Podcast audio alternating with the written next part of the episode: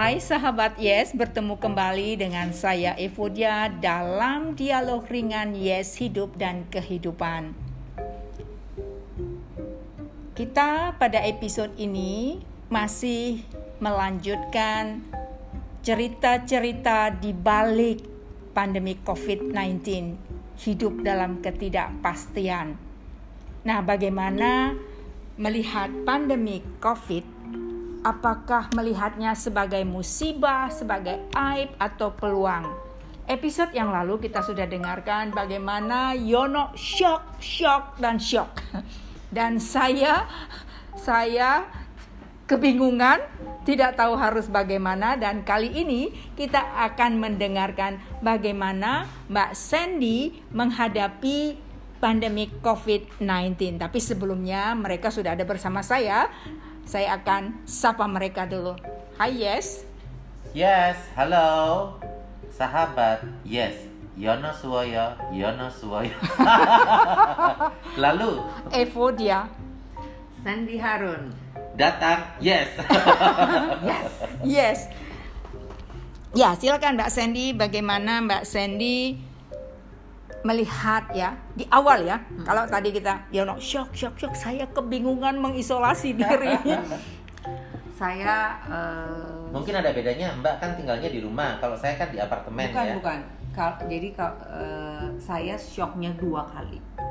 Shock jadi kalau shock. orang itu uh, langsung dengar langsung shock kalau saya sebelumnya saya uh, seperti biasa kalau mau ada sesuatu saya sebelumnya tuh mimpi jadi saya mimpi uh, saya mimpi uh, ibu saya bapak saya datang uh, kakek nenek saya yang sudah hmm. meninggal hmm. semua datang dan saya melihat ditunjukin oleh ibu saya orang-orang uh, semua meninggal gitu orang-orang yang sudah meninggal dan di situ saya bilang kayaknya saya belum pernah mimpi. Jadi ada adiknya ada cicitnya ada cucunya saya nggak kenal semua. Dan di saya melihat di pojok sana orang-orang yang meninggal. Meninggal banyak sekali. Itu yang saya lihat. Terus satu lagi saya melihat uh, melihat di penggorengan itu saya melihat binatang binatang binatang semua kepala kepalanya dipotong-potong sudah uh, sudah seperti uh, mengerikan sekali gitu. Udah ada di dalam wajan yang sangat besar dan ada perapian. Nah setelah itu uh, saya melihat binatang binatang binatang kecil itu di jalanan itu lari-lari dan saya ketika saya melihat saya dikejar saya dikejar oleh binatang-binatang itu semua. Itu e, binatang itu yang saya lihat itu ribuan nggak saya nggak ngerti kecil kecil kecil kecil saya lari lari ke sana masih dikejar. Saya lari ke sini saya masuk rumah saya masih dikejar-kejar juga. Tapi saya nggak putus asa saya lari lari lari lari. Akhirnya saya bangun. Nah di situlah saya sedih kayaknya ini pasti mau ada sesuatu yang mengerikan terjadi karena itu bulan apa mbak? Saya tidak tahu itu apa. Sebelum Jadi, sebelum saya mendengar Wuhan. Oh sebelum Wuhan, oke. Okay, Sama ya. sekali hmm. saya tidak tahu Wuhan, itu apa. Desember Wuhan. ya. Saya tidak tahu. Itulah kelebihan saya adalah saya suka dikasih sesuatu yang saya tidak tahu. Bagaimana saya melihat akan banyak orang-orang yang mati dan ada binatang-binatang mengejar saya juga saya di dalam hmm. rumah dikejar saya di luar kejar tapi hanya saya yang dikejar nah gimana hmm. saya mau kasih tahu bahwa itu kan bingung dong hmm. yang dikejar kan cuma saya saya nggak hmm. melihat orang lain dikejar hmm. tapi tidak ada yang memakan saya gitu jadi sampai saya bangun nah itu kan e, kalau sudah begitu itu biasanya e, saya bisa sakit saya bisa yang bisa parah intinya seperti itu. Nah dari situlah saya hanya menyerahkan diri saya semuanya kepada Tuhan. Saya berdoa, saya meminta kekuatan dari Yang Maha Kuasa. Kalau memang harus terjadi, terjadilah menurut kehendaknya. Uh, lindungilah kami semua dan di situ bayangin orang belum panik, saya sudah panik duluan. Di situ uh, kerjaan saya hanya apa artinya? Apa artinya? Apa artinya? Saya tidak tahu berapa lama akhirnya saya me- mendengar Wuhan. Di situ baru saya shock yang kedua kali. Nah eh, saya pelajari lagi. Saya pelajari yang ada saya nggak bisa makan saya nggak bisa minum. Rasanya mual terus trauma saya kelihatan lagi itu binatang-binatang terus udah gitu mengerikan sekali. Jadi eh, dan mulai panik orang bikin eh, masker eh, masker nggak ada. Terus udah gitu harganya menggila. Kita sampai mau beli masker yang biasanya saya selalu ada masker. Dan kebetulan saya masih ada sisa masker kesehatan itu eh, saya eh, apa eh, saya sa- saya izin apa sih maksudnya? Pakai hati-hati. Jadi kita bikin sendiri. Eh, apa jadi kita eh, ingat deh pasti semuanya akan bikin masker dari kain. Ya, Dan di kebetulan- awal-awal. Ya. saya banyak batik kan dari Yono gitu kan. Batik-batik ya saya gunting. Batik itu saya bikin. Ada baju bekas batik ada apa saya bikin aja. Jadi masker yang gampang ya nggak usah dijahit masker apa sih Oh dia namanya yang seperti Eh, itu ya dibuat lubang aja lah ya di Ah, sini. ah, yang Ya. lubang itu aja Hmm. pokoknya semuanya harus jadi panik yang seharusnya kita nggak panik ya terjadilah seperti itu Sorry saya potong. Jadi sebelumnya kalau saya boleh ngomong Bun, eh, beberapa tahun sebelumnya Mbak Sandy itu sudah merimain saya.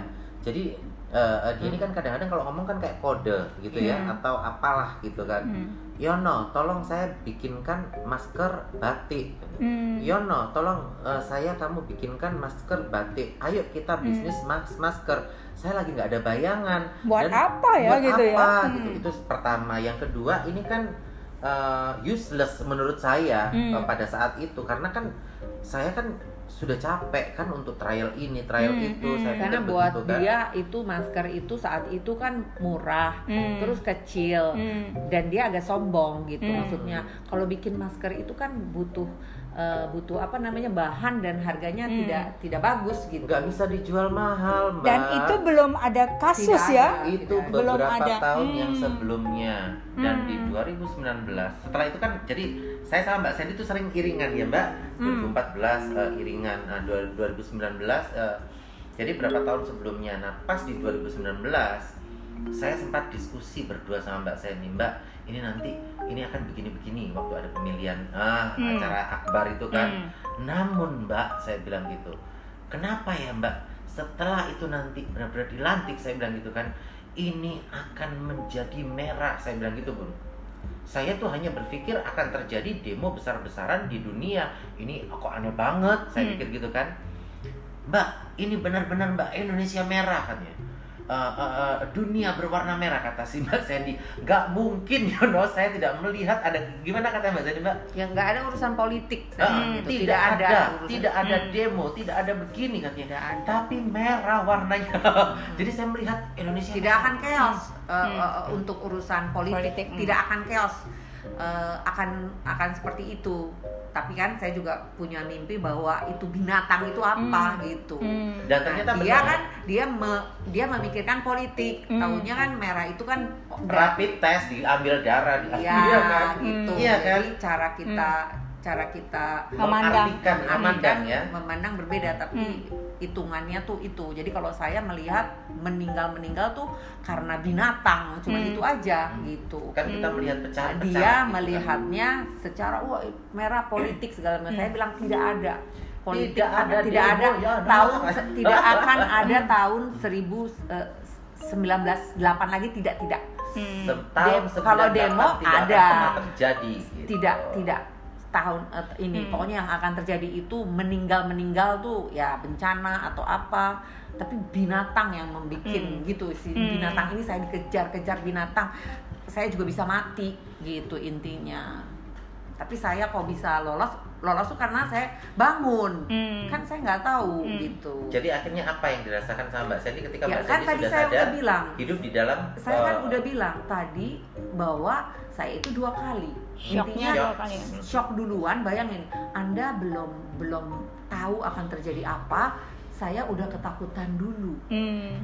saya selalu deja vu Hmm. belum terjadi saya sudah itu jadi saya double jadi Hmm. kepala saya itu yang ada ya sakit terus kan Hmm. ya mungkin yang ada itu itu jadi bebannya jadi eh, terlalu cemas apa tapi Hmm.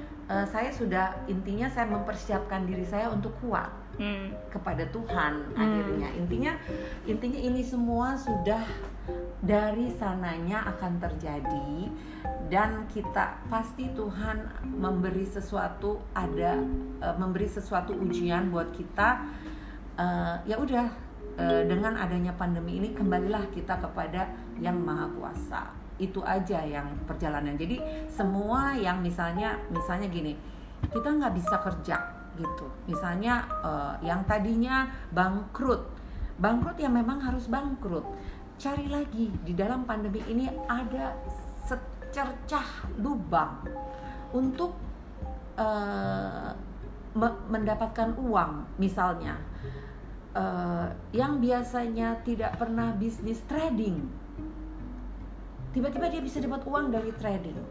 Yang biasa jadi yang biasanya dia tidak bisnis yang lain tiba-tiba dia bisnis kesehatan. Mendapatkan uang. Yang biasanya tidak bukan makanan dia bisnis makanan mendapatkan uang. Jadi Kesempatan Tuhan dari- kesempatan ah, jadi Ah. tinggal kita mau di mana celah kita. Dan yang terpenting ketika kita sudah harus kena misalnya covid ya sudah bagaimana menyembuhkannya? Ya ke dokter menjaga semuanya yang prokes itu kita lakukan. Jadi eh, jalanin aja dan intinya gini kapan pun kita akan eh, bisa lep- bisa bisa eh, tidak ada di dunia ini lagi. Sekarang ini tidak ada yang pasti. Kalau memang jadi eh, berbuatlah baik selalu.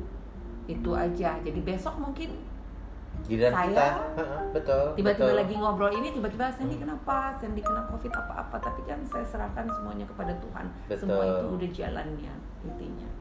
Ya, jadi sahabat sekalian, ini karena topiknya berat ya, topiknya berat, berat, ya berat, sekali Hmm, dan karena ini mengubah masa Ya. gitu kan bagaimana Oh kita God. melihat ya semua ini tidak lagi sebagai masalah gitu ya. Bukan. Karena kalau kita lihat sebagai masalah, kita akan terpuruk terus ya dengan masalah. Tetapi ada masalah, bagaimana kita melihat masalah itu kemudian menjadi satu peluang kreativitas. Ya, Yang tadi betul. Mbak Sandy bilang harus ya lebih kreatif harus ya, lebih kre- kreatif ya kreatif dan kemudian selalu berpikir positif Ya. ya jadi belajar dari pengalaman tadi ya misalnya Yono dan saya yang cemas so what kalau cemas Betul. tambah sakit kan betul, betul. tapi kalau kita lihat jadi ya kita bersahabat dengan situasi yang ada Ya, betul. dengan tadi ya kita menjaga protokol kesehatan aja. harus Dan- harus kita kita tetap ya harus jaga itu. Nah seperti tadi Mbak Sandy bilang, just in case sudah dilakukan semua, ya sudah dijaga semua. So itu terjadi juga, ya kita berserah juga kepada Tuhan. Mohon kita dimampukan, ya Betul. supaya kita bisa melewatinya dengan baik Ya. dan kita bisa dipulihkan dan sembuh dan punya pengalaman untuk berbagi juga dengan orang lain. Jadi tidak memandang ini sebagai aib ya ya karena banyak orang yang mungkin mengira saya harus sembunyikan begitu ya. Kalau Ya. ada ini kamu sembunyikan.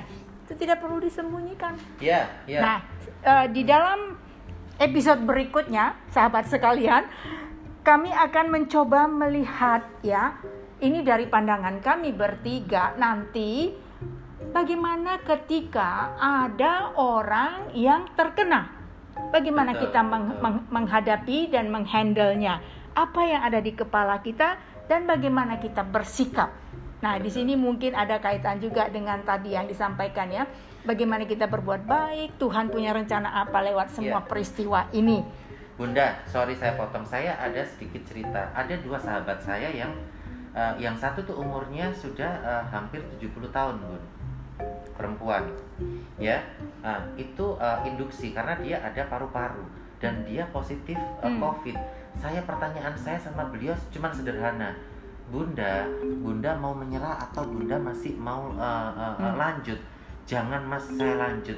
Itu di hari ke-20 akhirnya alhamdulillah sembuh total Bu. Hmm. Yang satu lagi induksi juga adalah uh, uh, apa namanya itu uh, diabetes ya. Hmm. Di minggu ketiga sembuh total Bun. Jadi sudah jangan kamu ditakuti oleh bayanganmu sendiri. Hmm. Itu aja pesan saya. Ketika Tuhan tidak mengatakan stop kontrakmu, Hmm. maka kamu akan recover dan kamu akan kumpul kembali dengan keluargamu. Itu aja. Ya, Kalau- jadi tetap positif ah, ya. Ya. memang sudah waktunya kontraknya sudah selesai, memang saat itu ya harus jalan kan. Iya, gitu. iya. Gak ada ketawa jadinya episode ini. Aduh. Karena episode ini berat. Shock. Nah, Ya, ya di episode ini kita memang betul-betul shock-shock Ya, karena kan ya, awal ya. ya. Tapi Tetapi tetap belajar dari pengalaman Berbagi ini. positif, positif dan, dan positif. positif.